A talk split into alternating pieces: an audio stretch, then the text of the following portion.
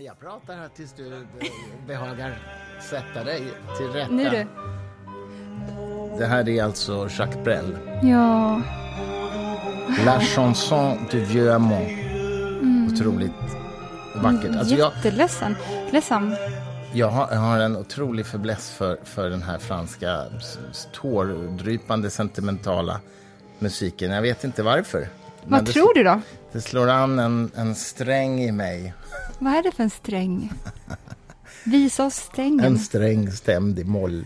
Ja. Om man nu hade kunnat Är det- stämma en sträng i moll, men det kan man ju per definition inte. Det var jätteroligt. Så innan vi får arga mejl från musikteoretiskt kompetenta personer, så är jag medveten om det. Men är du född med en viss melankoli, tror du? Ja, jag tror det. Jag, är- jag, jag är mm, lättpåverkad av sorgliga filmer och sorglig, vacker musik, ja. Men det är inte så att du går omkring i livet och em, känner dig missmodig Nej, och tänker på döden och Nej. dras till tankar om förgängelse och hösten och sådana saker? Nej, det är, inte, det är inte ett drag i min personlighet, så att säga. Men jag, kan, jag har väldigt lätt för att släppa fram det där när jag lyssnar på, när jag lyssnar på musik. Det är därför Jacques Brel är en av mina liksom, riktigt stora favoriter. Och han gör ju en... Jag vet inte, det är någonting också med de här musettdragspelen och, och eh, eh fiol. Alltså det är no, och, och det här piano, speciella sättet att spela piano som... Oh, jag, jag, får jag bara ge en rekommendation till våra lyssnare som ju kanske tidigare uppfattat också att jag är lite David Bowie-nörd. Men Bowie gjorde ju en cover på en Jacques Brel-låt som heter My Death som han spelade in 1973. Vi tar en liten skål samtidigt tycker jag, så Och, kan jag... och, och han har aldrig gjort en live förut, förrän 1995 som nu släpptes på Spotify. Lyssna på den med piano av Mike Garson, otroligt fin. Skål! Skål älskling. Vi ska inte spela den här och nu, men, den, men vi reko- jag rekommenderar den. My Death, David Bowie live 1995 med Mike Garson på piano. Den är obetalbar. Den är jätte, jättefin. Den ska Mm. vi faktiskt lyssna på en gång till. När vi har em, slutat podda och börjat spela schack istället. Ikväll, ja, det gör vi. Kommer du ihåg när vi precis hade blivit ihop? Och du frågade mig, men hur kan du se på samma film om och om igen? ja.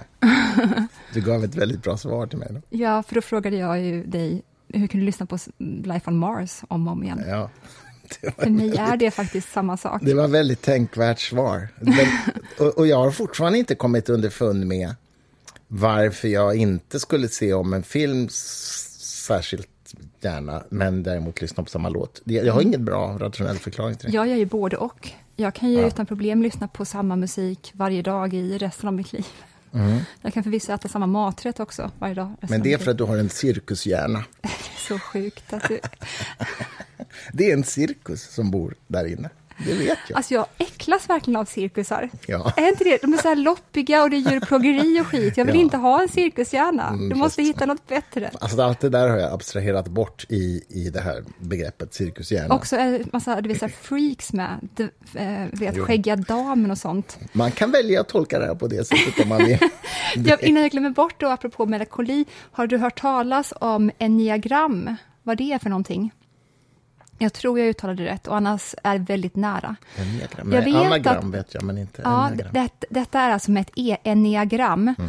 Och detta är alltså eh, den gamla tiden, och med det menar jag alltså ungefär medeltidens eh, personlighetstest.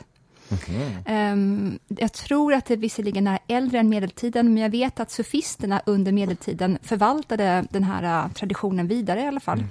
Och enligt enneagrammet så är vi eh, grovt sagt då indelade i nio olika grupper av människor. Och sen så finns så- såklart subkaraktärer i de här personligheterna.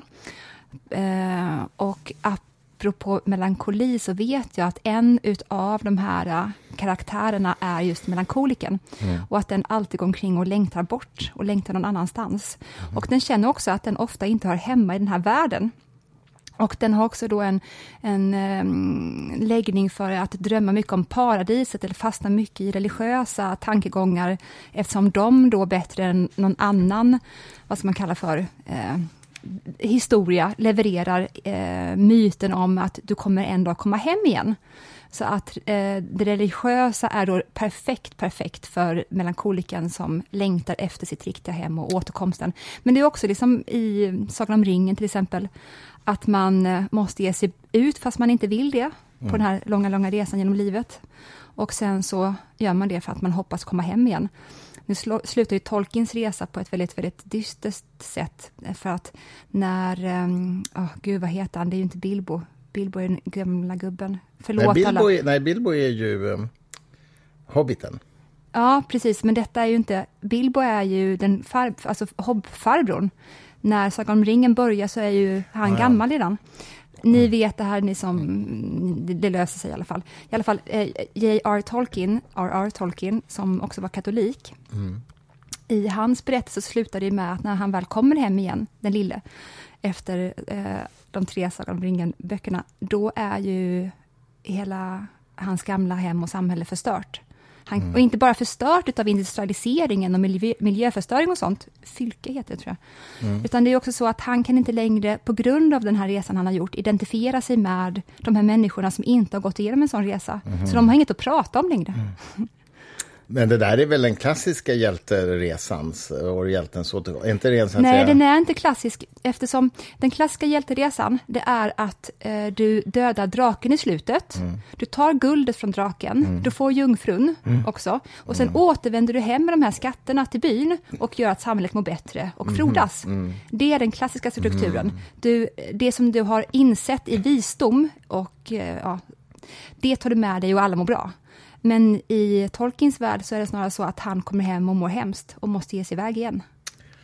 Intressant. Och jag får omedelbart en association till, till de här moderna science fiction-historierna där någon åker ut i rymden på något farligt uppdrag och sen återvänder till jorden. Och eftersom de har rest med hastigheter nära ljuset så har deras tid gått mycket långsammare än, än för de som är på jorden. Så att den som har varit borta ett år eh, upptäcker att det har gått inte jag, 20 år på jorden. Till Gud, vilken intressant parallell. Och det, och det känns ju som, förutom att det är så att säga fysikaliska fakta, att och det inte bara som ett psykologiskt fenomen Nej. eller individuationsprocess som har hänt, det är också Nej. rent fysiskt. Ja, det här är ju, man vet ju att det faktiskt är så, sen kan vi ju inte åka i de hastigheterna, så det går ju aldrig att testa det i praktiken. Oh. Men, men, men man har ju kunnat mäta upp att, att ett um, atommur som uh, cyklar runt jorden till exempel med en viss hastighet, att det tiden går långsammare, mm. någon mikrosekund eller något sånt där. Så att man vet att effekten finns där.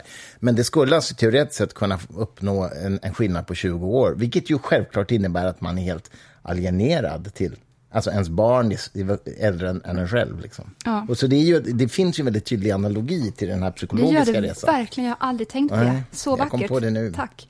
Men det måste ju också, eh, oavsett ifall det är i science fiction-världen eller i myternas fantastiska gestaltning av just det här fenomenet, så måste ju båda två eh, ringa in den ultimata ensamheten egentligen. Mm. För att de här människorna omkring en vill ju knyta an och de vill ju höra dig berätta och mm. de vill ha tillbaka dig. Mm. Och du är tillbaka, men i en annan form.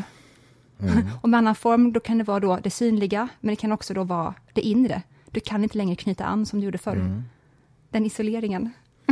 Jag tänker också liksom på en oerhört mycket mer banal, konkret nivå. Att människor, jag är ju en av dem och många andra, som, och du också för den delen, som har vuxit upp på landet i en kontext och sen flyttat till storstan och sen så liksom kanske man återförenas på en klassträff 20 år senare och så känner man sig ganska alienerad då också.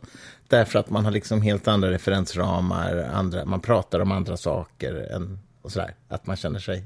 Jo. Det är också en alienation som kanske har att göra med att man har lämnat en kontext där människor utvecklas på ett visst sätt och så har man liksom utvecklats i en helt annan kontext och då är det svårt mm. att mötas. Mm.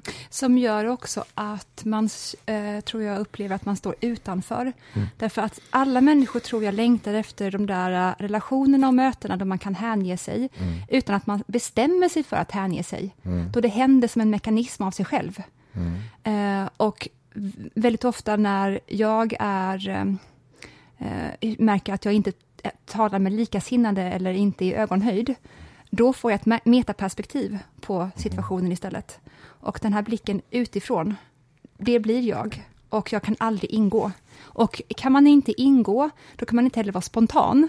Och är det någonting som äkta möten kräver, mm. så är det just spontanitet. Att det händer, att du vill säga saker av sig självt. Att till och med munnen gör det åt dig, för det kan mm. inte hindra dig. Mm. Överjaget finns inte med då.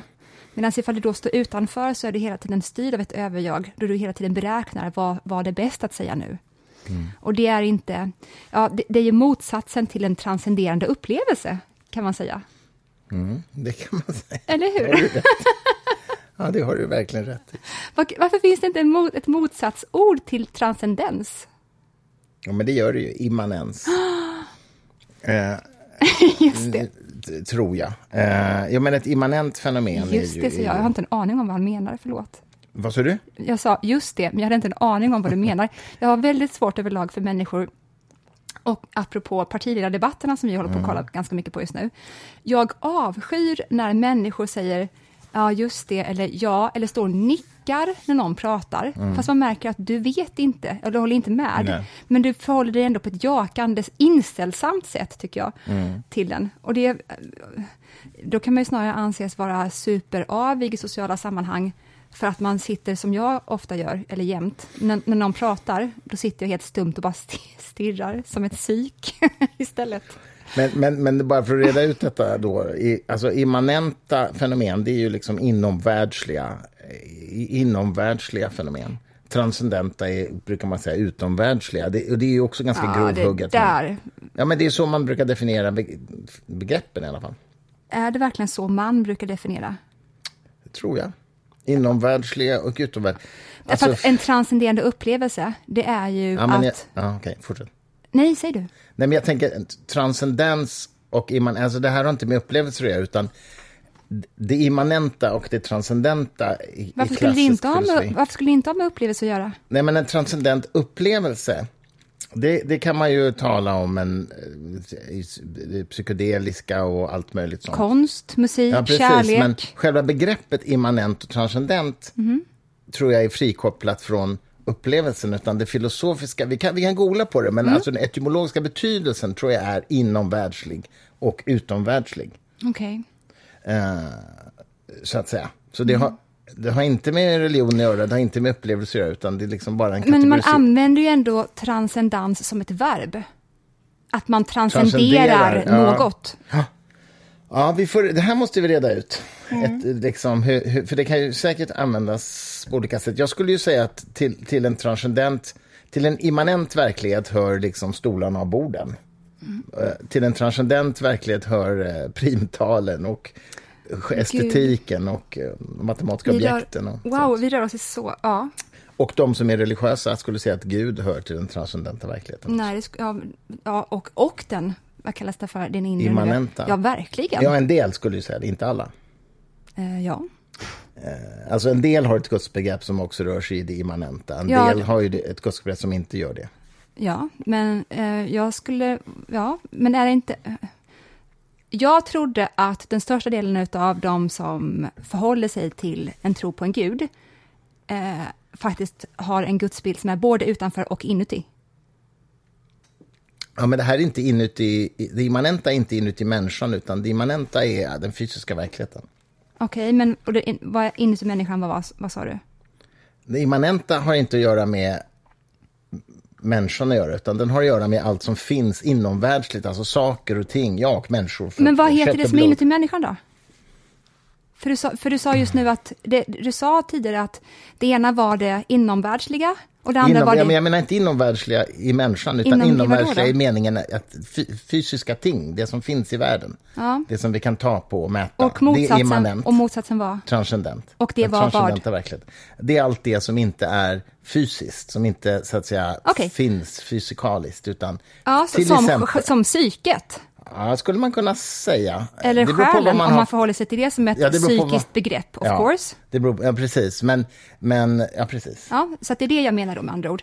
Eh, jag har en föreställning om att de flesta som tror på Gud har både en immanent och transcendent relation till Gud. Och med det menar jag mm. att de det finns vissa judar, det är de enda som jag känner till, som förhåller sig till Gud som någonting som bara finns i den yttre världen, men som mm. har lämnat människorna inuti helt och hållet. Mm. Och Olga Tokarczuk, som fick Nobelpris för något år sedan, eller några år sedan, hon skriver om um, hur de här tankegångarna framför allt blev konkreta under 1800-talet i Centraleuropa, då många olika kluster utav trosföreställningar inom judendomen eh, blev extremt konkreta med att Gud är någonting som inte finns i människan, mm. det finns bara där ute. Mm. Eh, och till och med där ute har den en tendens att dra sig undan. Och det särskiljer mm. sig från eh, katolicismen, det särskiljer sig från protestantismen, det särskiljer sig från hinduismen eh, och eh, islam för den delen också. Mm. Som ser det som eh, ett, ett både och. Ja, just det. Ja, precis. Och evangelikala kristna som tror på mirakel och sådär, de har ju en gudsbegrepp som är både transcendent och immanent. Dessutom, ja. Precis. precis. Ja. Men jag tänker också, till exempel alla deister är, har ju ett bara transcendent gudsbegrepp. Alltså? Är det så? Ja, för deisterna tror att Gud startade Big Bang och sen är han inte delaktig i världen överhuvudtaget. Liksom. Nej, det, okay. det är ju det så här Voltaires gud eller Spinoza. Spinoza Nej, var ju han pantist. Var pantist. Ja, precis. Men Voltaire då, vad skulle jag säga var deist? Apropå Voltaire, är det inte jättekul att han friade till en 17-åring när han var typ 77? vet, och vet vad som är Friskt en... vågat hälften vunnet, kanske man Alltså verkligen. Säga. Man vet ju förvisso inte hur många 17-åringar han hade friat till innan den här 17-åringen. Eller ännu yngre, det vet vi inte heller. Nej. Det ännu roligare är också att han blev så jävla chockad när hon sa nej. Han bara, när brevbäraren, eller den här, den här personliga det det postbäraren kom tillbaka med nejet. Han bara, vad sa du? vänta, va? Nej, vänta, fick hon rätt brev? Han kunde liksom inte ta in att hon inte ville det. Okej, okay, det är självförtroende det. Verkligen! Kick-ass självförtroende. Jag hade ingen aning om detta. Nej. Gud vad roligt. Vi har ju precis släppt en jättemaffig biografi för övrigt om Voltaire. Ja. Som heter Krossa den skändliga. Det är så bra titel. Som syftar på katolska kyrkan som han ville göra upp med. Mm. Um, men det är, en, men det är, en, det är, en, det är en biografi om, om denna fantastiska person som ju inte bara var filosof, han skrev ju liksom pjäser och alltså han gjorde ju allt. Han var ju Borde han verkligen ha skrivit pjäser? Ja, det kan jag inte bedöma för jag har inte läst eller sett någon. det är ju som när liksom andra berömda i vår samtid lyckas med en sak, ska de göra allt annat också. Mm, typ Jordan B. Peterson som ska prata fysik med Roger Penrose. Ja, det är jobbigt. han vet inget. Alltså, man, oh. alltså, det är en skräckupplevelse att se den dialogen på Youtube. Kolla på den. Penrose inser att han inte vet vad han pratar om, så han kan inte ens svara på frågorna för att de är liksom obegripliga. Ja, det är jättejobbigt. Penrose såg också ut i någon form av han bara fixerar luften med blicken och rättar till luggen ibland. Och så bara svarar han på ett så isolerat psykiskt sätt. Men också Jim Carrey som eh, målar massa tavlor. Det ska ja. han inte göra heller. Lägg av med det. Men jag tycker det är så kul när man Alltså, ja, det här är en lång historia. Men alltså just när, när, när människor vill prata om ett ämne som de kan så lite om, så att de inte ens kan formulera korrekta frågor, det är jobbigt. Nej. Jo. Det är, jag nej, nej, jag håller inte med. Det är jobbigt ifall de ska ha en YouTube-sändning om det. Annars är ju vi för att man börjar ställa frågor på ja, en grundläggande men, nivå. Ja, men, men alltså, Till och med jag rycker i, nu rycker jag i elitist stoppknappen här och det säger inte lite. Det säger inte lite, men, men alltså okej, okay, jag ska då lägga till att problemet uppstår ju när personen som ställer frågorna tror att de kan mycket om det eller tror att de ställer jävligt fiffiga frågor. Ja, jag tycker det är okej att de tror också, mm. så länge som, okay. så länge som eh, de inte exponerar sig i sammanhang mm. där de inte hör hemma. Mm. Det vill säga, jag har ju trott massa dumma saker. Och har, har, ja, men det menar, väl alla? Ja, men precis. Men då, men då har jag vett nog ändå begripa att jag ska inte sitta, sitta på scen om det här. Mm. För att någon, någon mekanism skjuter ändå in där. Apropå trott på dumma saker, jag måste ju berätta. Jag kommer ihåg när jag var 17 år och var helt fixerad vid den här idén om att människor påstod sig kunna tala med döda. Alltså seanser och sånt. Ja, så kul om du sagt. Jag minns när jag var 51 år. Alla humanister bara... ja, men jag var 17 och var jättefascinerad av det här fenomenet. Och läste en bok, alltså, här ska du höra en driftig tonåring, Mm. läser en bok som är skriven av ett gammalt par som heter De döda talar på band. Jag har den bergs kvar någonstans i bokhyllan. De döda talar på band. Och det var ett par som bodde i Eskilstuna och som, med en gammal rullbandspelare som, som de satte på och spelade in ljudet i rummet. Och så satt de och pratade. Och in på den här rullbandspelaren kom det ibland så här svaga, sprakande röster som var väldigt svårtydda. Men de skrev en bok om det här. De skrev en bok om detta och sa att vi, har, vi, vi pratar med döda människor. Vi kan ställa frågor till dem, de svarar. Och vet du vad? Jag läste den här boken och sen tog jag kontakt med dem och åkte hem till dem. Men, oh, Ja, och jag var 16-17 år. det Åkte är hem till så dem. Mm. sjukt, du förstår det? Eller, ja. Jag åkte hem till dem. Och det roliga är att jag vill nog säga till mitt försvar att det var aldrig så att jag var övertygad om att det här fungerade. Men jag var definitivt inte övertygad om att det inte fungerade heller. Det, det ska jag verkligen säga. ja, ja, ja. Eh, utan jag var extremt nyfiken. Och jag gjorde såna här inspelningssessions med dem. Och vår relation gick så långt så att de sen skänkte en av sina rullbandspelare till mig som om de av någon anledning hade bytt ut eller något sånt där. Så jag fick en av de rullbandspelarna som de använde för att spela in döda röster band. Var har vi den? Ja, den är nog borta nu skulle jag tro. Jag hade den i... Nej. Jo, det tror jag. Om den inte ligger kvar i min mammas hus i Mariefred, det visar sig. Men, ehm, så jag höll ju på och gjorde egna experiment och sådär. Eh, och spelade in. Men, men, men det, ja, det funkade ju liksom aldrig. Och det här som de spelade upp, det var inte övertygande, inte ens då. Jag tror att den här gamla rullapparaten tog in kortvågsradio lite grann, vilket elektronik kan göra faktiskt. Ja. Plocka upp lite såna här kortvågssändningar ute i etern liksom. Så att man kunde höra vissa röstliknande ljud. Va? Men det fanns ju ingen korrelation till vad vi frågade. Och det var, ibland var man inte ens säker på... Jävla dumma spöken. Ibland, dumma precis, döda. korkade spöken. Ibland var det inte ens säkert att det var ljud, alltså vad heter det, röster, utan att det bara var sprak. Det var otroligt diffust.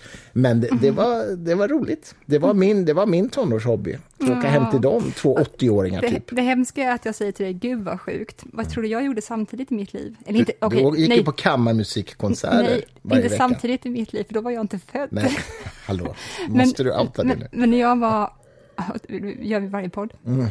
Vad heter det? När jag var eh, 16 år, då åkte jag precis På kammarmusikfest. kammarmusikkonserter varje vecka i Växjö. Ja, precis. I Växjö.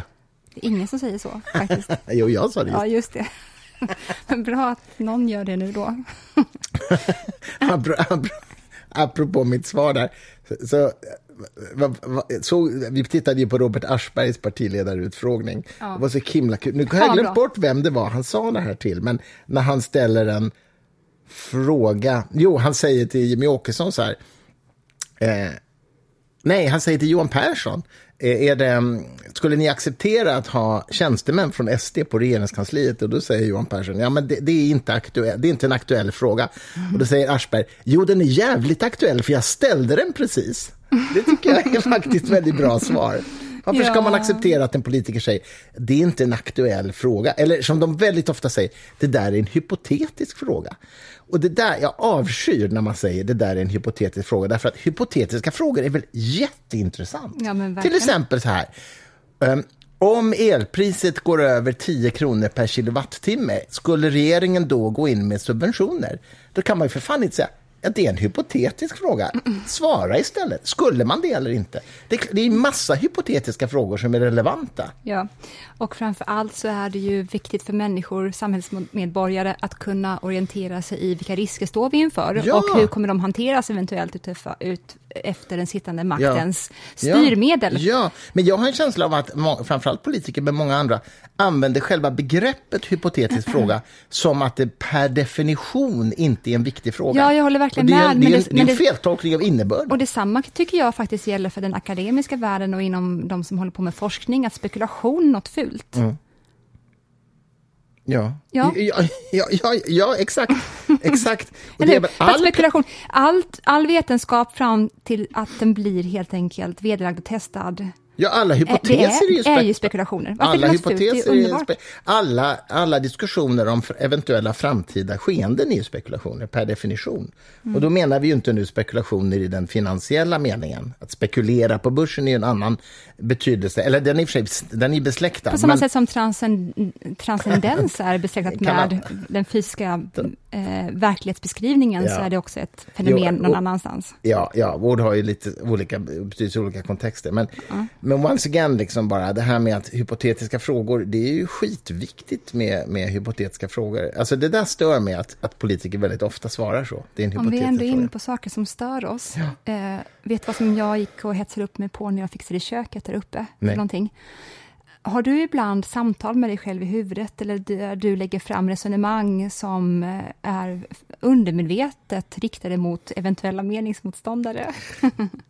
Det är så roligt att du säger det, för detta frågade ju min 12-åriga son mig här om veckan. Kommer du ihåg det? Du var med då, tror jag. Eller, Nej, jag kommer jag var inte. Nej, du var kanske inte.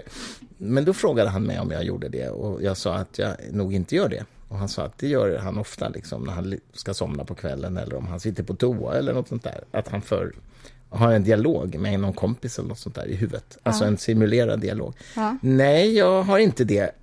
alltså, alltså, jag ska försöka vara lite nyanserad här. Jag har inte en sån dialog i termer av att jag faktiskt hör vad jag säger och vad min mo- meningsmotståndare Har säger. du inte en röst i huvudet? D- nej. Däremot, däremot, ja men vänta, däremot så är jag ju väldigt road av att formulera counter examples, eller vad man ska kalla att, att, att göra analogier som visar att en position inte håller genom att man gör en analogi där det blir extra tydligt. Och då kan man diskutera, i analogin, håller den hela vägen eller inte? Det kan man diskutera, det varierar förstås. Men det, sådana kan jag laborera med. Men hör du det i huvudet då? Nej, inte, En röst? inte i form av en dialog Men eller vad röst. är det i så fall då som du utför i huvudet? Det är en Ifall det tanke- inte är ljud, vad är det då? Nej, men det är en tanke, det är en tankeprocess. Jag vet inte vad det betyder. För att tanke Mm. för mig är alltid antingen visuell, Mm. eller så hör jag den, eller så kan jag se den, eller så kan Mm. jag ana en känsla av den. Och då kan jag märka att okej, här, finns, här finns någonting som trycker upp nu. Och då måste jag medvetet fiska upp den och eh, transcendera det till ord. Mm. Ja, nej, ja, det, alltså, nej, för mig är det snarare så att jag kan, jag kan ta liksom, jag vet att en mots, meningsmotståndare har en viss position i en uppfattning och så kan jag tänka då, Hur Mm. tänker du då? Är det ingen röst eller någonting? nej, men, då, men, men det, jag, det jag tänker är så här, det, det är ju analogt med att tycka så här, vilket ingen rimlig människa kan tycka. Eh, och så är det då något mer... Men det här ju- och, sen, och vad jag gör sen, det är att jag gör en, en slags Ja, logisk hur? analys av det. För att ifall du säger, att- ihop ifall, ifall du säger att du inte hör det och du ser det inte, då förstår inte jag vad det är för något. Det här, det, här, det här får du fundera på till nästa avsnitt, tror jag. Vad, hur du skulle definiera det. För att ifall det inte är visuellt eller att du hör det. Ska jag, men då, nu, ska jag, nu ska jag hantera din fråga med en analogi. Eh, vad, en sak som jag gör när jag inte kan somna, om jag inte lyssnar på en podd för att somna, det gör jag ibland. Men om jag inte gör det, om jag inte har någon mobil med mig eller kan lyssna på en podd, då ägnar jag mig åt att eh, titta på ett antal tal, säg talen Hur mellan... ser de då? 80 och 110. Nej, jag, jag, jag I am aware of them. Jag, jag tar varje tal i, i ordning och sen så försöker jag klura ut om det är ett primtal eller inte. Det är ett sätt för mig att somna. Så jag tar liksom talet 103 och så, och så, och så försöker jag liksom, kan jag, kan jag komma underfund med på ett enkelt sätt om det här är ett primtal eller inte. Och så 105, är det ett primtal eller inte? Och ibland så måste jag dela med några Mm. tal för att se efter och ibland så försöker jag känna in det och sådär. Men det är ju inte så att jag känner dem, det är inte så att jag ser dem, Nej. utan de är abstrakta, logiska entiteter Mm. i den transcendenta verkligheten. Fast det här tror jag särskiljer dig från de flesta människor. Att du har ett tankeuttryck som varken är auditivt eller visuellt. Mm. Nej, det är det inte. Nej, det tror jag är jättespeciellt. Ja, intressant. Jag har Över- aldrig haft huvudvärk heller i mitt liv. Så det Nej, och, nej, och detta det. är inte att han skojar nu. Alltså, han har aldrig haft huvudvärk. För Nej, att det är han har något sant. gen... Alltså för, försvaret borde forska på Christer.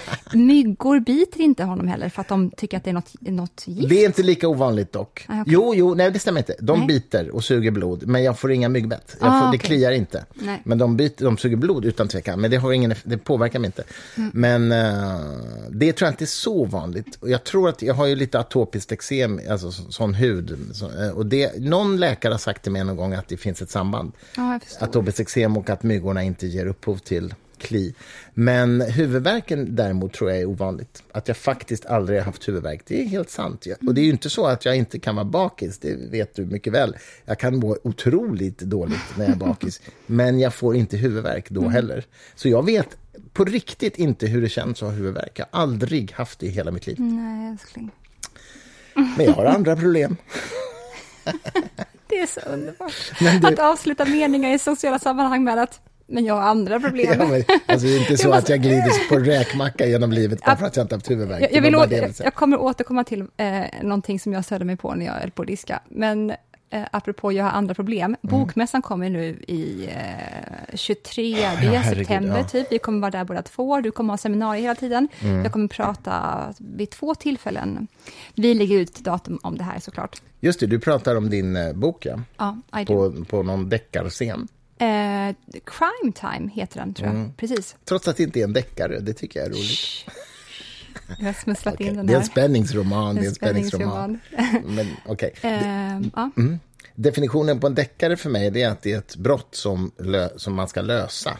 Och det är det ju inte. Däremot är det jävligt spännande. Ja. Det kan jag intyga som Den nionde kretsen, för er som inte har begripit att den precis. Mm. heter det än. Eh, titta gärna in den på nätet. Den är Check it out. Jo, men vi ska till Toppen. bokmässan. Vi, gud, det kommer bli Nej, jävligt intensivt. verkligen, jag måste bara innan jag förlorar tråden nu, varför jag tog upp bokmässan Mm. och eh, jag har andra problem, det är att när jag var där senast så var det att jag skulle lyssna på någonting med Mian Lodalen, Mm. som kom från Jönköping för övrigt. Och eh, när jag skulle gå in då i den här salen så stod hon där och sen så hade vi setts kvällen innan i något så här mingelsammanhang. Och sen så sa hon, hur mår du? Och jag sa att ja, jag, är lite, jag mår inte så bra för jag är lite trött idag. Och sa hon, lite trött, det är inget att vara olycklig över. Tänk på mig. Jag, har, jag mår dåligt för jag har haft ett dåligt liv. lite värre. Det var roligt. Du, jag måste fråga dig. Härom, typ igår, Mm. eller om det var i förrgår, jag vet inte om det, var, om det var när vi skulle somna eller någonting, så berättade du en lång historia för mig och så sa jag så här, det här måste du berätta i podden. nej. Problemet är att jag kommer inte ihåg vad det handlade om just nu. Ja, men du hade en lång utläggning som du kan ha om, om en historiskt... Du tutar båten här utanför.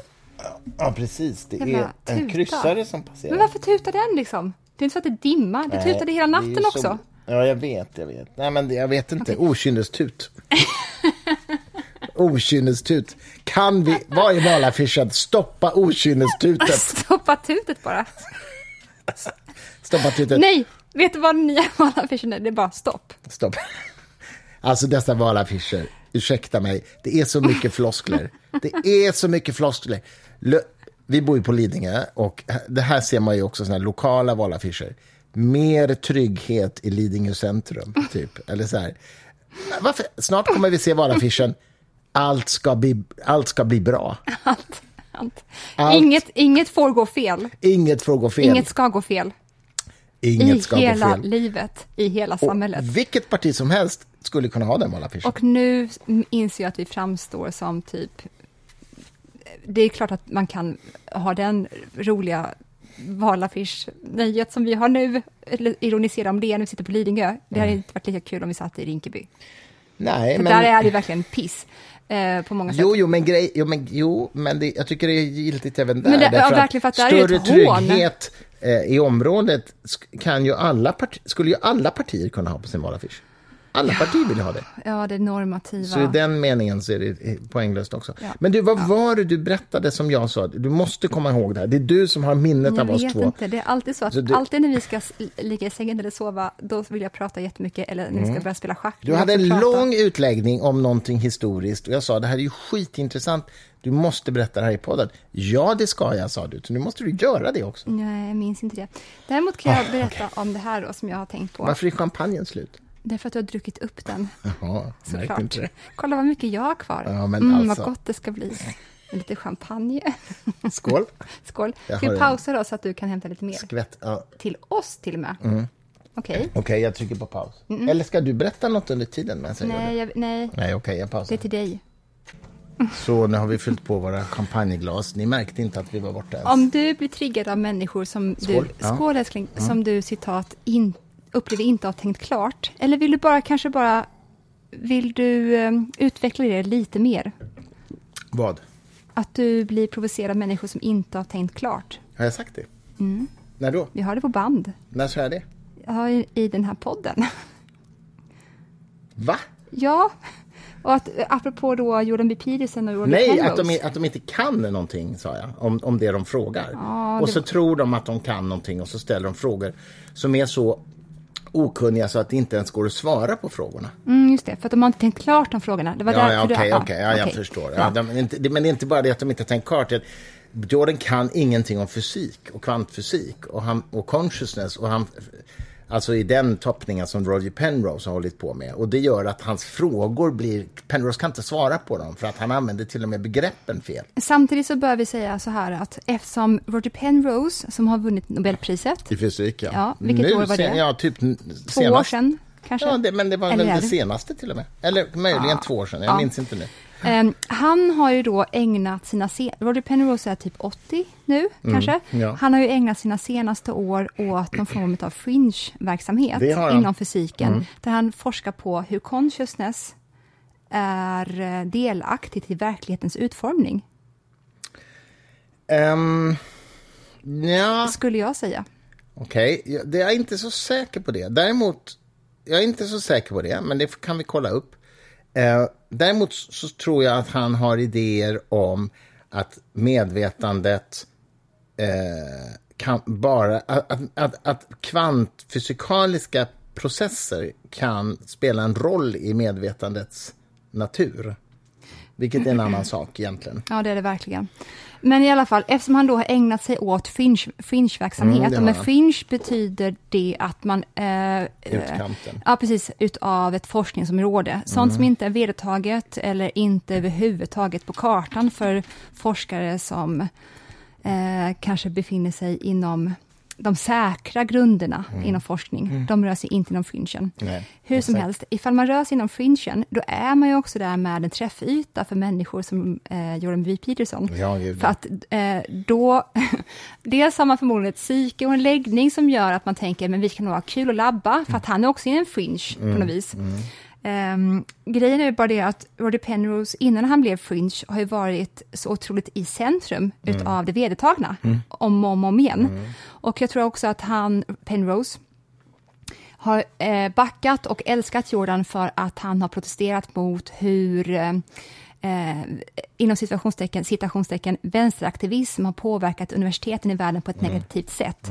Och till exempel då att man på fysikföreläsningar säger att eh, man ska inte säga man i den här texten, man ska säga det eller eh, it och så vidare. Och att eh, fysiken måste vara genusfri och sådana saker, vilket är ju en självklarhet. Det är bara det att språk är verkligen ibland uses meaning och man förstår att det inte har på något vis att göra med eh, biologiska kön att göra. Det är bara ett språk. Det tror jag att de har dockat ihop kring. Säkert. Säkert. Nej, men säkert. Alltså, Penrose eh, har ju... Egentligen är det inte så nytt att han hållit på med det här lite därför att han skrev ju en bok som heter The Emperor's New Mind redan för, inte vet jag, 30 år sedan, typ 20 år sedan kanske. Där han, som är väldigt spekulativ. Den är fringe. Och det gjorde han liksom parallellt med att han har varit en framstående forskare inom, inom det som inte är fringe. Utan att han har blivit utkörd. Ja, han, ja, han har liksom ja, kunnat ja. överleva sin fringighet. Och en av de grejer som han lanserar där, som jag personligen tror att han har fel i, och, och eh, många andra också förstås, det är ju att Gödels eh, ofullständighetssats om matematiken, alltså det, det faktumet att det finns matematiska satser som är sanna men obevisbara, det menar han indikerar att en, ett mänskligt consciousness, ett mänskligt medvetande aldrig kan automatiseras i en dator. Därför att han, Penrose har någon slags idé om att en dator, eh, det är ju också Alan Turings halting problem, alltså att, att det finns be- oberäkningsbara saker så att säga. Um, och, och, där Penrose menar liksom att det mänskliga medvetandet däremot kan då förstå att någonting är sant även om det är obevisbart och så vidare. Mm -hmm. Och därför så är liksom consciousness på något sätt inte komp, komp, vad heter det? Computer, mekaniserbart. Mm. Eller liksom så. Och det där tycker jag är en feltolkning av Gödel och många med mig tycker ja, det, det kanske också. är en feltolkning av Gödel, men kanske ändå en slutsats han kom fram till med hjälp av Gödel. Det är tolkning och slutsats i olika sätt, olika, olika saker menar jag. Ja, just det, men, jag men, men jag men, vad jag menar är att Gödels teorem ger inget stöd för den hypotesen. Sen kan han ju ha rätt av något annat skäl, men inte av Gödels skäl i alla fall skulle jag säga. Och, men men det, fångade, det här fångades ju upp av liksom, såna här lite new age människor. Trots att Penrose själv är ju ingen sån person. Men, mm. men hans idéer appellerade till såna personer i alla fall. Mm. Mm. Eh, så att han betraktas ju som lite fringe när det gäller de grejerna. Men mm. hans, hans kosmologiforskning och fysikforskning den är ju av högsta klass. Och han fick ju som sagt Nobelpriset för det. Sen ska man komma ihåg alltså, fringe, jag menar Einstein var jävligt fringe. He was the fringe. så att, så att det, är inte alltid fel för att det är fringe. Verkligen. Det ska man verkligen veta. Verkligen. Uh, över till vad jag tänkte när jag diskade. ja, let's hear it. Jo, jag tänkte... Diskbänksrealism kommer nu, nej? Åh gud, det är så himla, utan att du vet om det. Nej, nej, det är det inte. Det är ett sånt där kvinnoförtryckarbegrepp inom litteraturen. Mm. För att kvinnorna ofta stod vid diskbänken och mm. muttrade över saker och ting. Som jag förvisso gjorde. okay. Så över till det. Ja, jag eh, blir vansinnig över historielösheten i samtiden. Mm.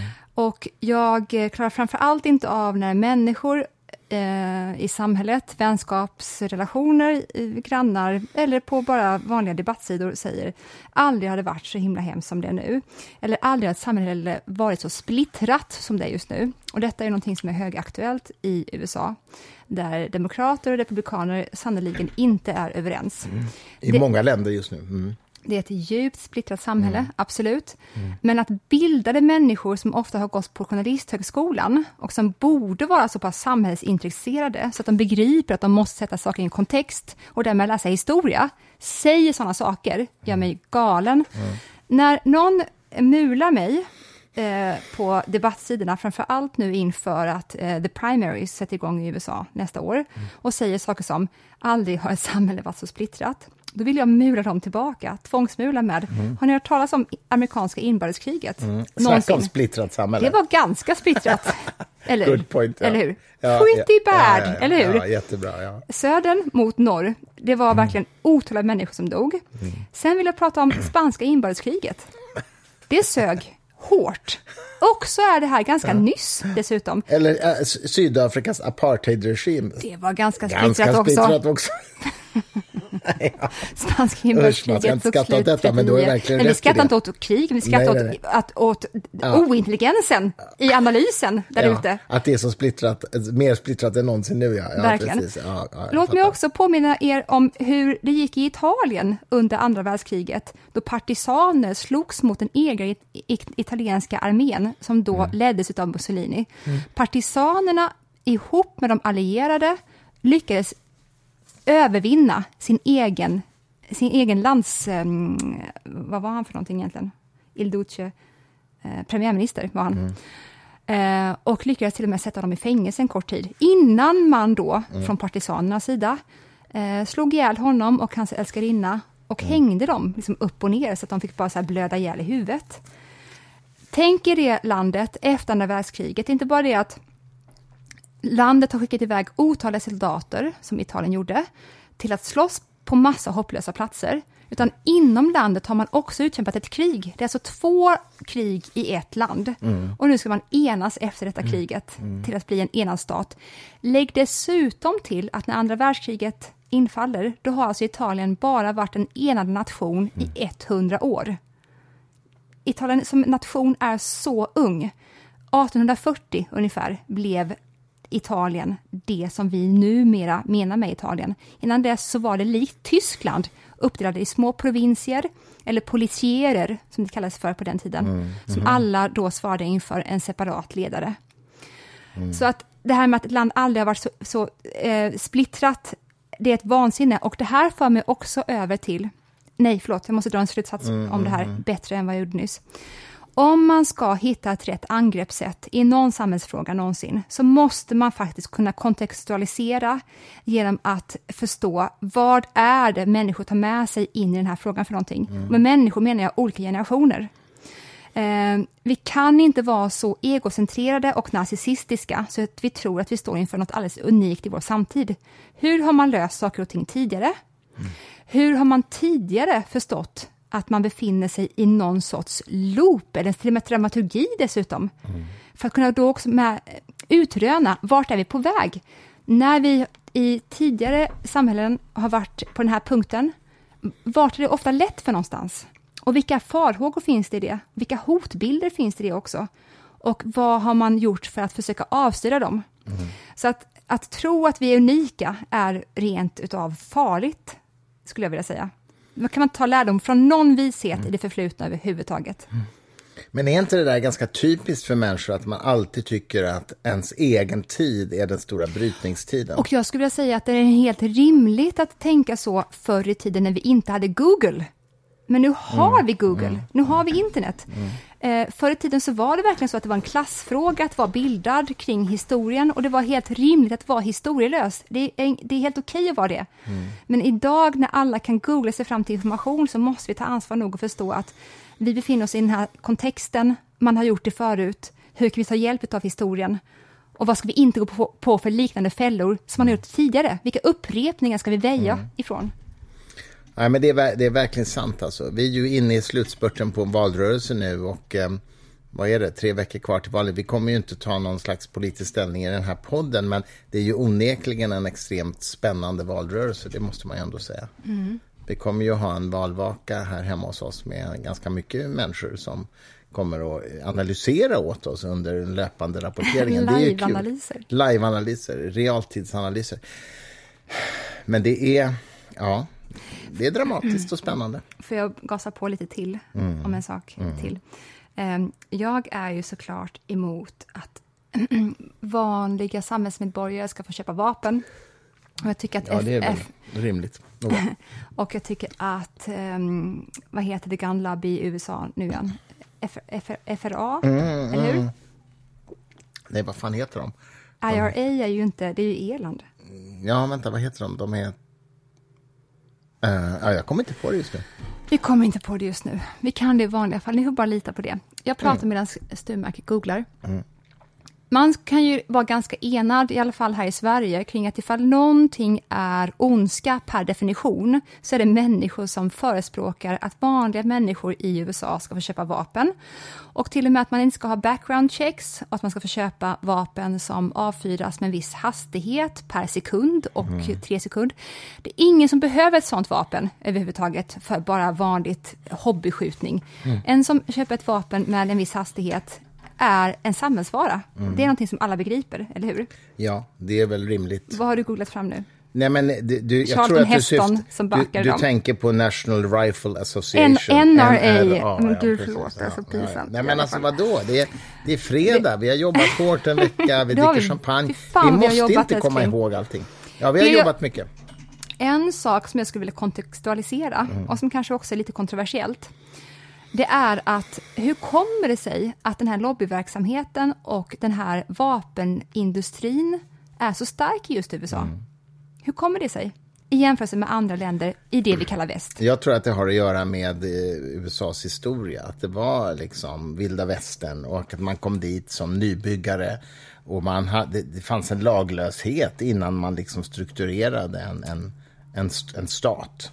Och, och det, var och en försvarade sin egen gård och det var otroligt viktigt att göra det. Och det skrevs in i amerikanska konstitutionen. Liksom. Det tror jag är liksom den psykologiska bakgrunden till varför det här är så viktigt. Det finns en, det finns en vad ska jag säga, skepsis mot the big state, eller the deep state. Och var kommer den ifrån? Som, ja, men jag tror att den har att göra med detta. Ja, Alltså nej, nej, nej. Alltså, de tar ju med sig skepsis mot the big state. Du för att the big state, med the big state så menar man ju att eh, det finns en tr- centralstyrning som når med sina fingrar allt för djupt in i det lokala. Mm. Det fanns ju inte det på den tiden ens, när det var Nej, cowboys. men alltså många av nybyggarna i USA kom ju från länder där de var Exakt, förtryckta och de var exakt. förföljda, inte minst av religiösa skäl. Exakt. Det var ju religiös eh, Ja. förföljelse. Ja, nej, ja, mm, mm, nej. Ehm, snarare var det så här att med den eh, otroligt destruktiva, skulle jag vilja säga, kapitalismen som frodades under 1600-talet och 1700-talet så märkte man att herregud, nu finns ett helt outforskat landområde där borta. Och vi med vår syn på Gud, det vill säga att Gud är någon som belönar människor med pengar och med hälsa och så vidare. Väl, det, det, det menar du framgångsteologin i Exakt, USA? precis. Ja. Det är puritanerna som vi har nämnt Ja, tidigare i det, den här ja, podden. Mm, Ehm, De bara, men gud, eh, vi är också dessutom äventyrliga och driftiga som Mm, fan. Vi åker bort dit och bara kollar vad som finns där. Mm. Och sen så bara liksom plockar de de här eh, infödingarna på, in på huden, på deras Men det var ju skogar. också människor som lämnade för att de inte hade religionsfrihet i sina ursprungsländer. Ehm, var det det, Christer Ja, ja, ja, ja, det är i alla fall min historieläxa som jag har lärt mig. Det, att det var det, ja. Att man lämnade för att få, för att få fritt, vad heter det, verka, vara i sin religion. Ja, okej. Vi får, Jag se, vi, inte, vi får men- googla på hur procentandelen ser ut där, därför att Nej, men jag kan, jag kan inte puritanerna, Men, pur- puritanerna var förföljda i Frankrike, Mm. men sen bodde de i Holland skitlänge innan de med sin driftighet såg att det finns ett Ja, opportunity i USA. Och sen efter det då så var det ju så att otaliga människor som led under eh, 1800-talet utav bristsjukdomar, potatis, du vet mm, Ja, paniken som det. fanns i Irland och så här. Så Irland åkte dit och mm, man märkte att det går att bo där under rimliga samhällsförhållanden för att nu finns, finns det en liten struktur där. Så vi åker och provar lyckan där för att vi håller på att dö här hemma. Så det var snarare svälten tror jag som inför den här massemigrationen som inträffade.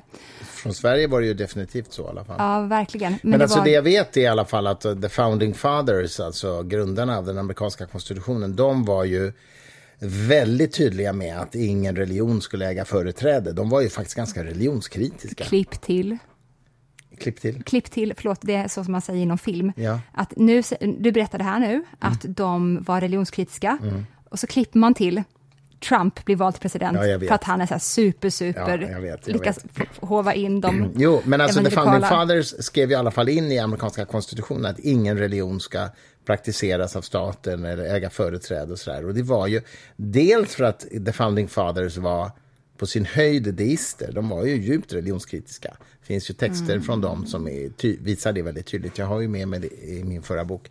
Men också för att, också för att det skulle så att säga, eh, garantera alla Ja, precis, de var, de var sekulära, men de kan ju religiösa. fortfarande vara troende ändå. Att vara sekulär och Ja, troende the är founding fathers var nog... Eh, Troende med sekulära. Ja, eller deister skulle jag säga. Vilket var rätt ovanligt då. Ja, det här får vi verkligen söka på. Ja, ja, det kan I'm not sure. Eh, men, men, eh, och, och, och väldigt kritiska till institutionaliserad religion var de i alla fall.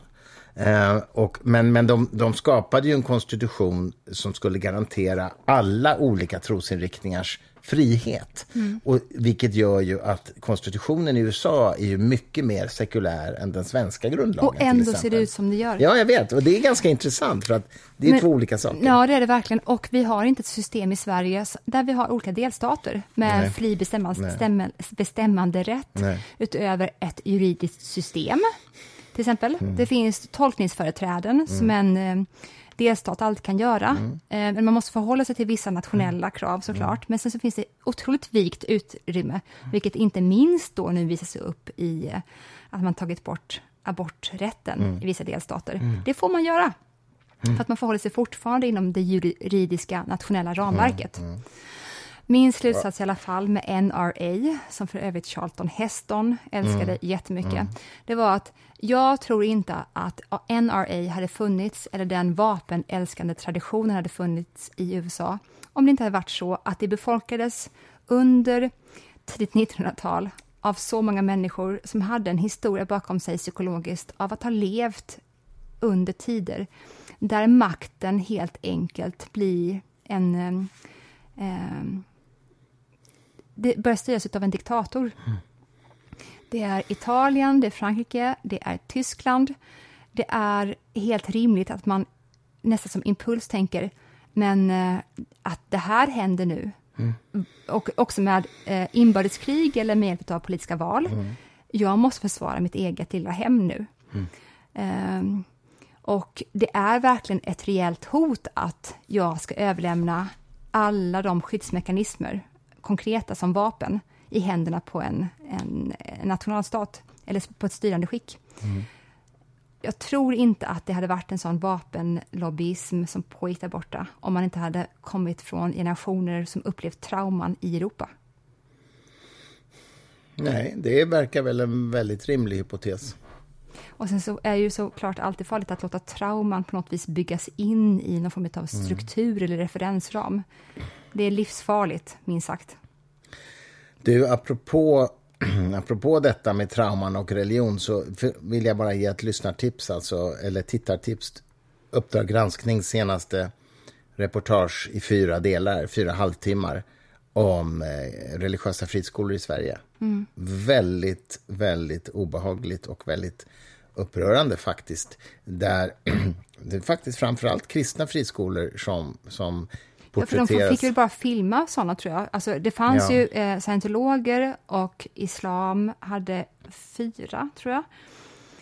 Ja, alltså många muslimska friskolor har ju stängts det senaste året, framförallt för att de har eh, inte haft ordning på ekonomin. Mm. Och det är säkert, eh, finns jättemycket kritik att rikta mot dem, men det här är alltså kristna friskolor som har fått fortsätta verka år efter år efter år. Mm. Och det är ju också så att en del friskolor har ju inte ens registrerat sig själva som konfessionella friskolor, bland annat scientologerna och Plymouthbröderna i Småland som går under radarn därför att de inte är formellt konfessionella fast de i själva verket är det. Konfessionell betyder religiös? Ja, religiös friskola så att mm. säga. Mm. Och, men alltså, de här reportagen visar ju väldigt tydligt då hur elever har liksom blivit utsatta för demonutdrivning och de har fått lära sig att om de tänker orena tankar så hamnar de i helvetet och så vidare. Och, så vidare. och framför allt så visar ju reportageserien att Skolinspektionen är fullständigt... De jag, kan, jag drar mig inte för att säga det, de är helt inkompetenta. De här tjänstemännen på Skolinspektionen, de fattar ingenting. Och de, du vet, de gör sådana skolbesök och så frågar de eleverna så här, trivs ni här? Och då har ju skolans ledning skickat fram de eleverna som de har lärt sig att Skolinspektionen... Så jävla preppade. Ja, Skolinspektionen är fienden. De försöker stänga vår skola. Nu måste ni säga att allt är bra. Och så säger eleverna såklart att det alltid är bra, för att de tror ju när de är tio år att annars hamnar de i helvetet. Mm. Och Skolinspektionen bara, ja men vadå, vad, vad, ska, vad ska vi annars fråga? Alltså, det är så fruktansvärt pinsamt hur Skolinspektionen agerar i det här. Mm. Så jag hoppas att de fan avskedar alla på Skolinspektionen och startar en ny myndighet. Hej, hej! Håller med. ja, men det, se detta reportage alltså i tre, nej, i fyra delar. Fyra halvtimmar på SVT Play. Mm, do it. Just do it. Ah. Älskling. Nu ska vi göra lite mat, va? Uh, nu är klockan fem i sex. Mm. Det viktiga för mig Svensk är att tid. vi spelar schack först. Ja, vi, gud ja. Jag marinerar köttet. Okay. Och sen så gör vi så här, du går ner och grillar det. Mm. På och grillen, då, utomhus? På, grillar ja, det på grillen? Mm, jag tänkte du skulle värma upp några så stenar här ute. Som du... Får jag bara säga en sak? Vi har statistik på närmare 2000 schackpartier sen vi började föra statistik, du och jag. Och i augusti just nu, mm. hur är det? Du leder med ett parti, va? Ja. Alltså, vi har spelat ganska många partier i augusti också. Men mm. du leder med ett parti. Det är jävligt jobbigt. Igår var det 50-50 precis. Och nu, just, så jag måste ju alltså vinna två partier av tre idag, om vi kör tre. Vi brukar köra tre om kvällen, per kväll, schack. Mm. Blixtschack. Jag måste ju vinna två av tre för att återställa balansen. återställer balansen. Mm.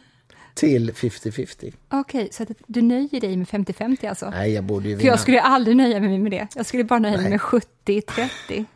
Det är så okay, gulligt okay. i alla fall att du siktar så lågt. 3-0, ja men alltså vad fan. Älskling. Jag har ju inte, jag har ju inte varit över 50 procent någon månad, tror jag, sen vi började. Eller var det någon månad? Jo, det var det. Två no månader. När ja. vi började spela, då vann... Ja, i början gjorde jag det, men ja. om vi räknar bort det, för då var ju du grön. Ja. Men sen du, inte, sen du blev varm i kläderna har jag en månad kanske har jag varit över 50 procent, va? Eller? Kommer jag, jag kommer inte ja, ihåg. Den, och den, ja, en månad. Usch, vad hemskt. Gud, vad hemskt. Jag vill också okay. faktiskt bara äh, annonsera om att äh, min bok, Den nionde kretsen, just nu... Reklaminslag här nu. Reklaminslag. Jag borde haft någon så här jätte... En jingel. Okej, vad kommer?